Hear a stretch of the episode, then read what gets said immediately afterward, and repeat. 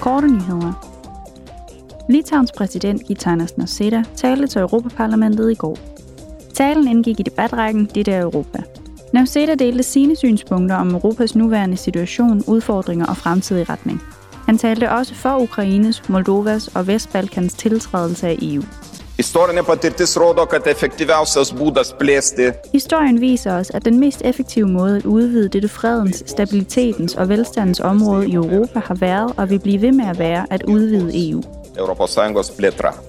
Om Ruslands krig i Ukraine sagde han, Turime stiprinti sankcijas Rusijai tol, Vi skal øge sanktionerne mod Rusland, indtil den brutale krig mod Ukraine er slut. Og vi bliver nødt til at sikre, at dem, der er ansvarlige for aggressionsforbrydelserne, drages til ansvar. sulauktų atpildo.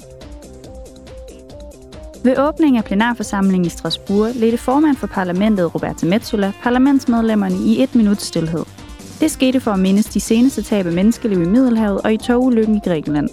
I løbet af de seneste uger er antallet af dødsfald i forbindelse med skibbrud steget, og Metsola opfordrede derfor alle involverede parter til at gøre mere for at forhindre det. I forbindelse med togulykken i Grækenland sagde Metsola, at parlamentet sørger sammen med den græske befolkning, og at det er klar til at hjælpe de pårørende til ofrene.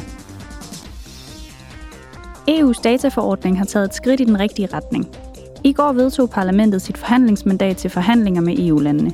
Dataforordningen fastsætter nye regler for, hvem der kan få adgang til og hvem der kan anvende data i EU.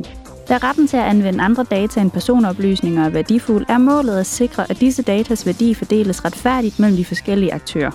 Formålet er at sætte skub i innovationen ved at fjerne hindringer for adgangen til industrielle data. I mødesalen sagde kommissær med ansvar for det indre marked, Thierry Breton, Avec le Data Act, nous structurons euh, une économie de données innovante, ouverte. Med dataforordningen vil vi strukturere en innovativ og åben dataøkonomi, der er åben på vores betingelser og i overensstemmelse med vores værdier. Det betyder, at vi lægger særlig vægt på rettigheder. På forbrugerrettigheder, rettighederne for de små og mellemstore virksomheder, som er kernen i vores industri, på den offentlige interesses rettigheder. Vi lægger også særlig vægt på at beskytte vores europæiske data, i det alt det, der er afgørende for vores digitale suverænitet. Et ceci est crucial pour notre souveraineté numérique.